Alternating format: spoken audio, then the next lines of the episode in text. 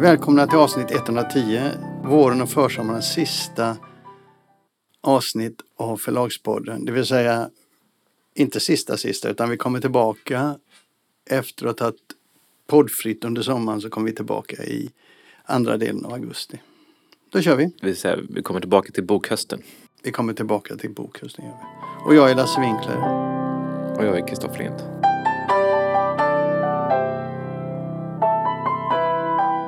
Jag satt och läste i eh, höstens böcker, Svensk Bokhandels stora höstboksnummer. Och då så hittade jag, eh, såg jag att eh, Bokförlaget Forum hade en, en ny bok av Paula Hawkins. Och så stod det så här, nytt varumärke hos Forum.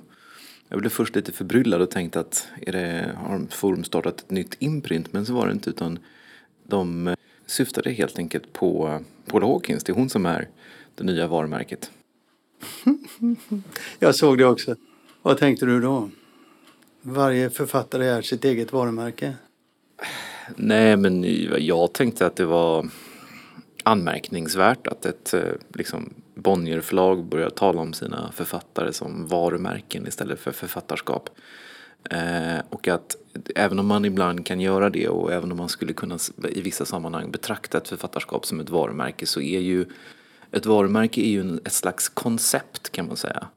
Um, en, en, ett varumärke kan vara en produkt som är liksom ett koncept, ett, ett som är framtaget liksom av, av reklampersoner, någonting som man liksom tar fram i kommersiellt syfte medan ett författarskap tänker man sig ju är någonting annat. Att reducera ett författarskap till ett koncept är för mig något vulgärt.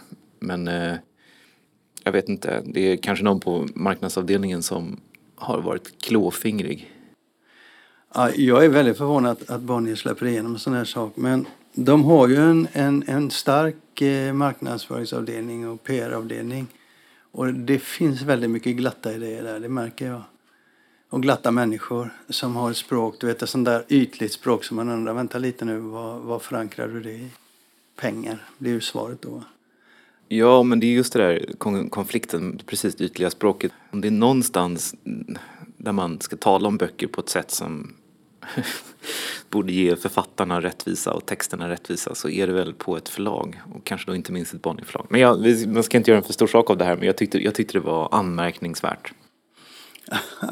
ja, jag är ju mer hånfull än vad du är för jag, jag tycker att det är totalt värdelöst. Och jag, det är en av de där sakerna som jag tycker man ska markera väldigt hårt så att förlaget liksom får ett slag på fingrarna att passa er för de där grejerna. Ni, ni vulgariserar språket, ni vulgariserar författarskapen och ni vulgariserar arbetet. Ja, jag tycker ju det, men det, vi kanske är två gamla stofiler. Författarna på Forum kanske älskar att, att bli betraktade som varumärken snarare än som författare. Ja, har vi otur, eller har, De... har, har, världen, har världen otur så har alltså eh, Forum förvandlats till ett sånt där glatt eh, språk och en glatt ledning. Men det får vi göra. De kan ju höra av sig till oss och säga att det var ett eh, fel i hanteringen. Eller så kan de säga att det är så vi ser på författarskap. Ja. Men man ska, håna, man ska håna det. Jag tycker man ska håna det. Man ska tala om att passiv för den, att, att, gå över den gränsen. Jag kan, i alla fall, jag kan i alla fall lova alla Lind Company författare att vi kommer aldrig skriva så om dem i något sammanhang. Nej, gör du det så ska jag håna dig, det ska jag lova dig. Men eh, intressanta med Paula Hawkins, det är hennes tredje svenska bok då. Hon kom ut på Massolit med de två första och den här Kvinnan på tåget var ju en massiv, massiv eh, framgång. Mm. Hon sålde ju hur mycket böcker som helst. Och det, när de skriver om det i texten så skriver de Paula Hawkins är författaren bakom den internationella fenomentiteln Kvinnan på tåget. Alltså de tar i som spricker. Så här är ju egentligen, tror inte jag, något undantag. Utan det är en väldigt glatt PR-människa som inte jo, har kommit. Men det där beror ju också på att hon, eh, den där första såld och sen har det inte blivit så mycket. Eh, och man, man skulle kanske kunna säga att författar, eller varumärket är kvinnan på tåget och inte Paula Hawkins. Ingenting är varumärke här. Och fenomen, fenomentitel, alltså när man använder sådana ord, vad ska man ta till nästa gång? En Guds största gåva till mänskligheten, eller vad ska man säga då? Man, man får ta i så man spricker varenda gång fenomen. Och sen, och sen är det också där, det, det är den internationella fenomentiteln, den efterföljande succén, en miljon exemplar, uppmärksammad film, såld över hela världen. Inte ett ord, inte ett adjektiv som beskriver texten eller verket. Nej. Nej, alltså jag, jag, det där är så vanligt nu så att jag har ju slutat läsa de grejerna. Att, att PR-avdelningen inte fattar det när de staplar den här typen utav uh, vulgariteter. Uh, för det blir vulgärt när de gör det på det här sättet. Uh, det enda de saknar är ju x antal språk hon har kommit ut på. Det brukar de ofta lyfta fram också. Och sen har de ju allting på ett bräde där då. Och det är så att de inte fattar att det är fullständigt meningslöst. Alla säger det hela tiden så jag tror att de som läser om det blir immuna mot det här språket. Mm. Ja, det där blir en, en, en förhoppningsvis något för dem att ta med i sommar. En present från Förlagspodden. Där vi säger att de ska skärpa sig betydligt. Eller så fortsätter vi häckla dem. Ja, alltså jag säger bara att, jag säger bara att mina författare behöver inte oroa sig för att jag ska prata om dem som varumärke. Men jag tror, jag tror tyvärr det kan vara så att, att um, det här är bara du och jag som har upptäckt. Ja, men är det bara du och jag som tycker illa om det? Ja, du vet, världen föryngras alltså, vi blir liksom som två gamla fossiler sitter vi här och klamrar oss fast vid gamla värderingar. Men då ska ju folk veta att, att jag är ju åtminstone 25 år äldre än vad du är. Jag vet, men jag är ju mentalt, jag är ju mentalt mycket äldre än vad jag ser ut att. Ja, du är en gammal, gärna, du är en gammal man i en ung mans kropp. Mm. Och jag är en ung man i en gammal mans kropp. Eller hur är det? Ja, ja, eller hur? Skitsamma. Eh, de var värda att häckla och häckla det gjorde jag. Du var mer försiktig som vanligt. Du är ju, du är ju en seriösare människa än jag. Så, så det är väl så.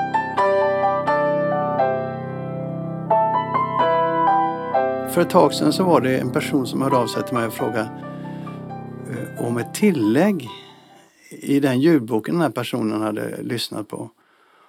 Och fast så var det väl inte? vad sa du? Jo. Så var det väl inte? Var det det? Ja, det var så. Första gången. Att, det var ett tillägg som de inte förstod. Vad betyder det här? Verkligen? Och, och jag fattade inte det. Och sen hörde jag också det själv. Ja. Och så började vi prata om det. Och så, du märkte det på ett annat sätt. Jag märkte det för att en av Storytels jurister uppmärksammade mig på, på det. Eh, och eh, eh, det hon uppmärksammade mig på var en ganska anmärkningsvärd sak. Nämligen att eh, böcker, det finns alltså ett, ett hål kan man säga, en lucka i lagstiftningen. Som innebär att digitala utgåvor inte skyddas av tryckfrihetsordningen. Eh, det är ju så att en bok eller grundlagsskyddade medier som är då eller grundlag, alltså, alltså ja, grundlagsskyddade medier det är böcker, tidningar, radio, tv eller webbplatser med utgivningsbevis. Och när, när brott, ett brott begås genom någon av, av dessa så eh, är det då tryckfrihetsförordningen och yttrandefrihetsgrundlagen som tillämpas istället för brottsbalken och rättegångsbalken. Och det där har en ganska stor betydelse. Det betyder i praktiken att om förtal förekommer i en bok så är det bara JK som, som är ensam åklagare som kan, kan driva ett tryckfrihets, tryckfrihetsbrott. Eh, och JK har bara gjort det. Han har bara väckt åtal två gånger de senaste 25 åren, visste du det? Mm. Och det är expre- mot Expressen i båda fallen. Senast rörde det Persbrandt. Eh, sen går det givetvis att driva de här målen civilrättsligt. Men det finns då en lucka i lagen som, innebär att det är lite oklart, eller inte oklart, digitala utgåvor de, de omfattas inte av, av det här grundlagsskyddet. Och eh, man måste därför ha en, eh, en liten bilaga till, till eh, i avslutning av ljudböckerna. Som finns i lite olika varianter. Men en, en vanlig variant är följande. Citat. Denna ljudbok tillgängliggörs och återges oförändrat i förhållande till bokens utgivning i tryckt bokformat. Det innebär att denna ljudbok utgör en bilaga till den tryckta boken i enlighet med första kapitlet, sjätte paragrafen tryckfrihetsförordningen 1949 kolon 105. Slutcitat. Mm. Men vad händer om det bara är en ljudbok och inte finns någon pappersversion? Vad händer då? Nej, då, då, då, är, då, då eh, omfattas inte den av tryckfrihetsförordningen. Eh, och hur skyddas den då från eh, att inte hamna mellan stolarna? Den eh, har då kan man säga inte samma, samma skydd som en, som en tryckt bok eller som en, en, en ljudbok som är publicerad med en tryckt bok som, som förlaga. Och det betyder att ett eventuellt förtalsmål då skulle kunna drivas, alltså den, den faller under brottsbalken. Det tycker jag låter otillfredsställande. Ja, alltså det är ju det är ju väldigt intressant också eftersom förtalsmål har börjat drivas av polisen och åklagarna och det har fallit en del domar som har gällt förtal på Facebook och förtal på, i sociala medier. Det finns ju en särskild anledning till att böcker eller grundlagsskyddade medier skyddas av, av tryckfrihetsförordningen. Det, det här är ju verkligen, skulle jag säga, en intressant sak. Sen är det ju också så att när man, det är så lätt att göra en bok, eller en, en digital bok, en ljudbok, så att det det finns ju mer, mer liksom texter som är där ute och skvalpar och som kanske inte har nagelfarits av, eh, av utgivare på det sätt som kanske lagstiftaren avsåg med, med grundlagsskyddade medier.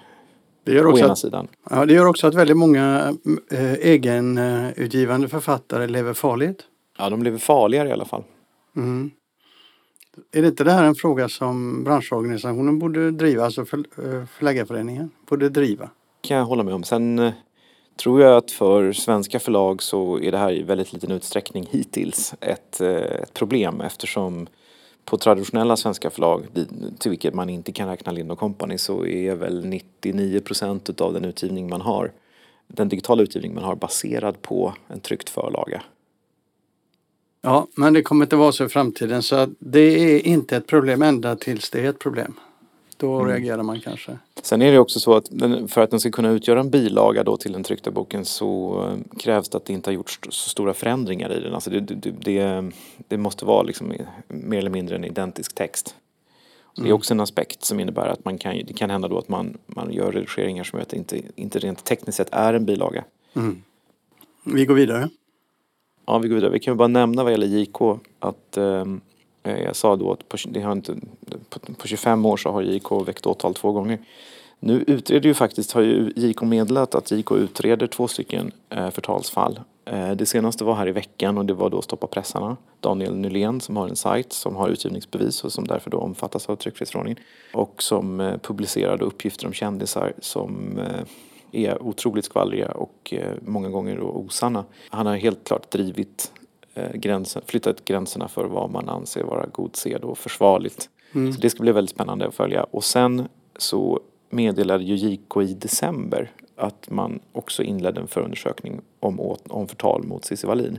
Och där vet jag faktiskt inte vad som har hänt. Jag googlade det innan vi satte oss ner här för att sända men jag, jag vet inte om det, den, den förundersökningen är nedlagd eller om den fortfarande pågår.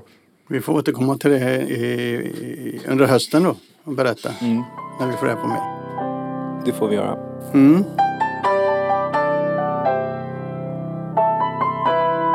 Då ska vi prata om print on demand, eller podd som det förkortas. Men här pratar vi alltså om böcker som trycks i speciella maskiner i små, i små upplagor från en till flera hundra om så vill.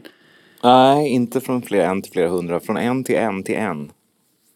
Ja, så kan man säga rent tekniskt. Men jag menar, du kan ju som förlag använda dig utav poddtryck eller print on demand-tryck av de, de maskinerna eh, och de företagen. När till exempel du får en succé och plötsligt så hinner tryckeriet inte med. Och då kan man behöva eh, fylla på i butiker med, med eh, utgåvor och papper. I USA är detta vanligt. Ja, just så funkar det ju inte i Sverige någonsin. Nej, men tekniken, tekniken fungerar så. Men hur fungerar det i Sverige när du vill ha print on demand idag? Nej men vi har ju inte gjort print on demand överhuvudtaget. Jag har ju tyckt i den här digitala världen som vi lever att print on demand är en dålig produkt för det är en dålig, en tekniskt sett dålig bok som är dyr och eh, som man inte riktigt tjänar någonting på någon. Och när vi har då utmärkta digitala format som e-bok och, och ljudbok så har jag inte tyckt att eh, podden har varit haft så mycket att tillföra. Och vi har gjort några poddar för rätt många år sedan och, och för många, för många år sedan, eller tio år sedan, och trodde ju förlagen också att det här skulle bli, liksom man talade om the long tail, den långa svansen och att, att på titlar som tog slut så skulle poddarna vara liksom ett fantastiskt komplement. Men det blev ju aldrig riktigt så och, och backlistförsäljningen blev aldrig särskilt omfattande och sådär. Så, att, så att jag har inte tyckt att podden har varit så, så attraktiv. Men nu ska vi göra en poddsatsning till hösten. Innan, innan du berättar om den då, så låt oss ändå förklara det för lyssnarna att när du säger podd då så är det print on demand. Och den tekniken har ju, sen du tog det beslutet, innan du nu har ändrat dig, så har tekniken förändrats. Det är mycket bättre kvalitet, det är mycket bättre, bättre omslag. Eh, så att det är en produkt som har högre kvalitet än den hade förr. Mm, det är helt riktigt. Ja, och internationellt är det så att man använder sig av print on demand-trycken när man får slut på en bok och tryckerierna inte hinner med att leverera och det är ett väldigt tryck. Så jul, jul förra året, eller var det för, förra året i USA när de hade problem, då var det mycket print on demand ute på marknaden. Det är intressant, det har jag aldrig hört att något svenskt förlag har gjort. Det är svårt att göra det också för att eh, man ser ju ändå en ganska stor kvalitetsskillnad. Men, eh... Ja, men så, så var det i alla fall. Det ja. vet jag. Att man pratar mycket om det i USA på den, då när man gjorde det. Och det kommer att fortsätta komma sånt. Men berätta nu om din satsning för den tycker jag är rätt intressant. Ja, nej men eh, som jag säger då så har min utgångspunkt varit att det är ett dåligt format som är en slags kompromiss. Men tidigare så handlade det om att man skulle förlänga livet på tidigare titlar, liksom att det skulle vara ett backlist, ett backlist, ett backlist-format. Men nu befinner vi oss då i ett läge där vi publicerar väldigt, väldigt många titlar digitalt uteslutande. Och eh, då finns det ett behov eh, eller ett intresse, en önskan från väldigt många författare att även ha fysiska böcker. Så vi tänker oss i första hand att det ska bli en tjänst till de författare som vi ger ut digitalt. Att de även ska kunna få då en fysisk bok i form av en podd. Det betyder också att om du märker att den säljer där då så, så kan du göra ett, eh, ett vanligt tryck ifall tryck. Precis så. så det, det, skulle ju kunna, det, finns liksom lite, det finns tre liksom tänkbara liksom möjligheter här. Det ena är att det verkligen bara är en, en tjänst till författaren, en slags författarvård. Det andra är att man faktiskt kan tjäna pengar på det och man, man man kanske då i, det tredje fallet även kan fånga upp titlar eller författarskap som, som kanske borde finnas i papper men som man inte har upptäckt borde finnas i papper. Så hur, är, hur ser det ut rent eh, praktiskt nu då i höst? Hur tänker du satsa? Vi kommer börja, börja, vi kommer inte göra det på allt utan vi kommer ändå liksom vi kommer börja, börja göra det på väldigt många titlar som vi annars bara skulle haft som ljudbok eller, och e-bok. Du har ju tittat på det här. Jag såg nog när jag var uppe hos dig för ett tag sedan så såg jag det låg en jävla massa böcker. Olika mm. poddvarianter på ditt skrivbord. Mm. Och det, det, hur, hur uppfattade du kvaliteten idag? Då? Men kvaliteten har verkligen blivit otroligt mycket bättre. Du har helt rätt i det. Jag minns hur det var där för tio år sedan. Det såg ut som någon hade gått till en kopiator Eh, och sen så hade man haft någon slags häftapparat och häftat ihop det liksom. Det, det, det var sådär vitt papper du vet som skär mot ögonen när man läser. Medan nu ser det väldigt bra ut faktiskt. Jag, av de som låg på mitt bord så tror jag nästan ingen skulle kunna tänkt på att det var en podd om inte någon hade sagt det. Men de blir ju väldigt, dyr, de blir väldigt dyra, det, det är ju ett problem. Ja, hur då? Alltså styckpriserna blir enormt höga, i synnerhet om du ska göra inbundna böcker eller böcker med skyddsomslag så blir det otroligt dyra exemplar. Så, så, i praktiken så är det i första hand till för författarvård? Tänker du? Ja, ja det, det, det, jag tror tyvärr, alltså det vore ju fantastiskt om det både kunde vara författarvård och något som, som kan bli en intäktsström både för förlag och författare. Men jag har lite svårt att se det faktiskt. Men, men eh, vi ska testa i alla fall. Ja, vi kan ju följa upp det här för det är väldigt intressant för oss att uh, se hur det rent praktiskt kommer att fungera. Mm.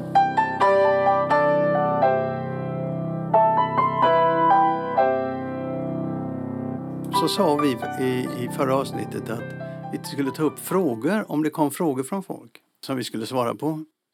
Mm. Och det är egentligen inte så många frågor som har kommit faktiskt.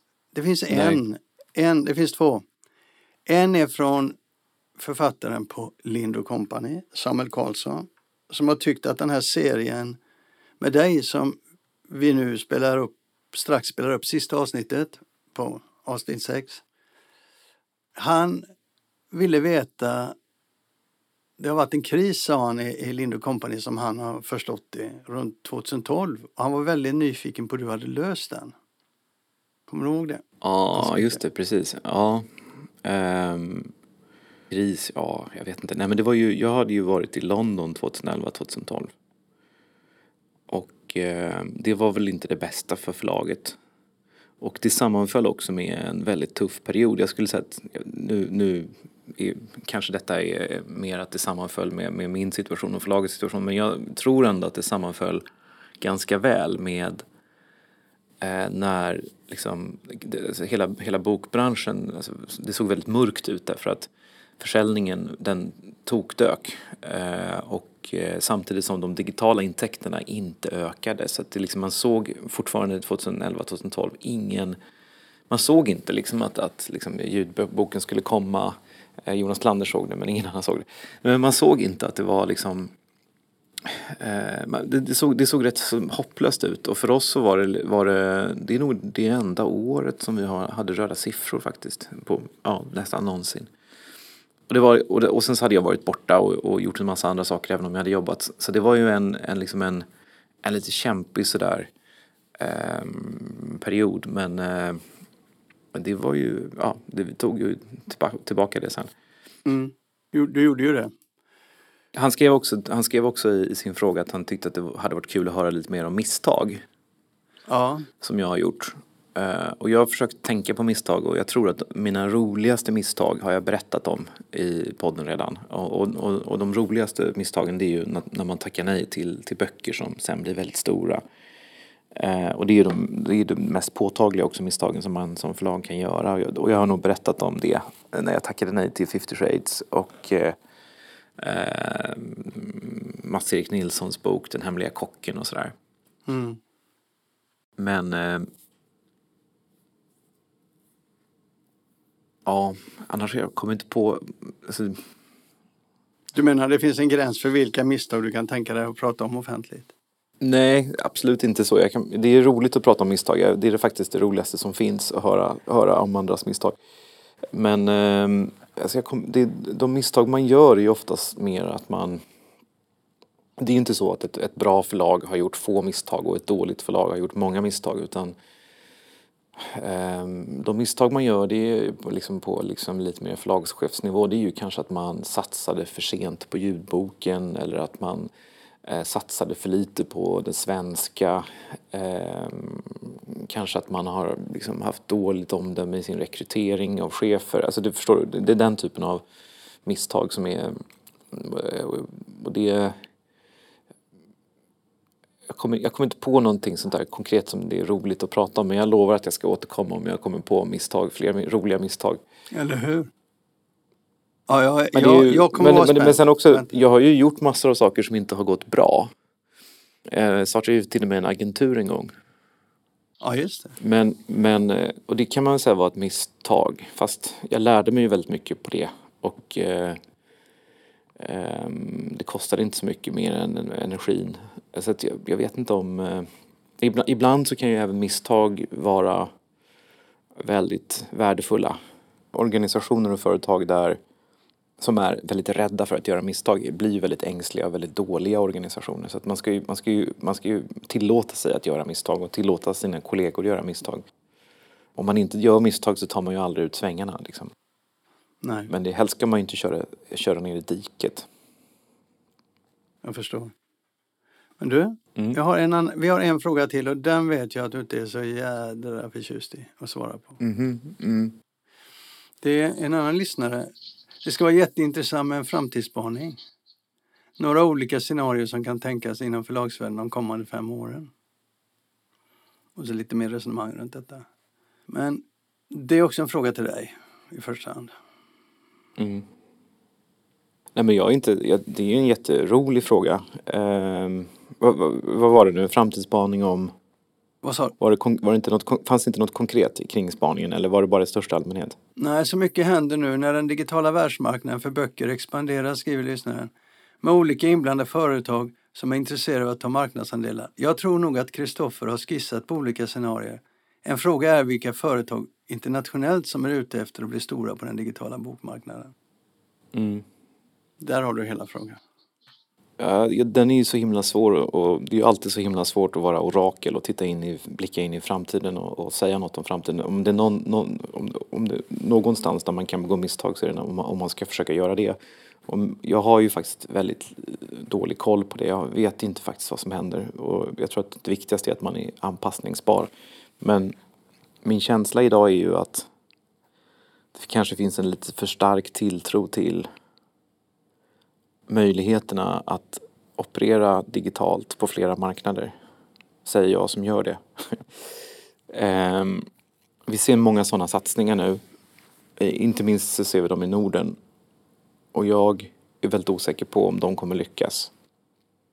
Ja. Jag, jag, tror, jag, jag tror liksom att du, du kan, å ena sidan så kan, kom- kommer ju liksom Storytel och Bookbeat, Nextory, liksom, de kommer ju naturligtvis fortsätta växa. Audible kommer fortsätta växa.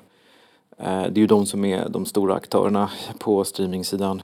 Men på den liksom bokdelen av det hela så jag har ju svårt att se att vi ska få internationella förlag på det viset. Amazon Books har ju inte blivit något stort exempelvis. Så att jag, jag, tror, jag tror fortsatt att det kommer vara svårt liksom att internationalisera den, den, den delen av, av, av förläggeriet.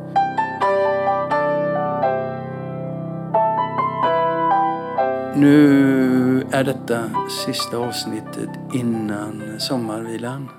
Vi, vi är poddfria du och jag nu kan, fram till slutet av augusti som vi sa i början utav. Ja, det blir som ett riktigt sommarlov. Eller hur? och så kommer vi tillbaka och så har vi tusen grejer vi vill ta upp.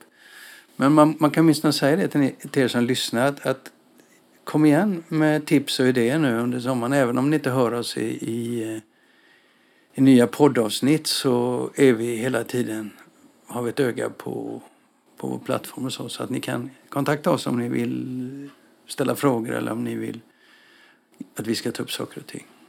Eller om vi ska rätta något som vi har sagt som varit fel. Mm. Och om ni har grejer som ni tycker vi borde titta på och avslöja så kom igen. Vi kör i höst igen. Mm, det gör vi. Bra, trevlig sommar på er allihop då. Trevlig sommar och vi ses till bokhösten. Ja, andra veckan, eh, andra, andra delen av augusti som sagt. Och bok, bokhösten då så kommer vi att komma. Hej då! Hej då!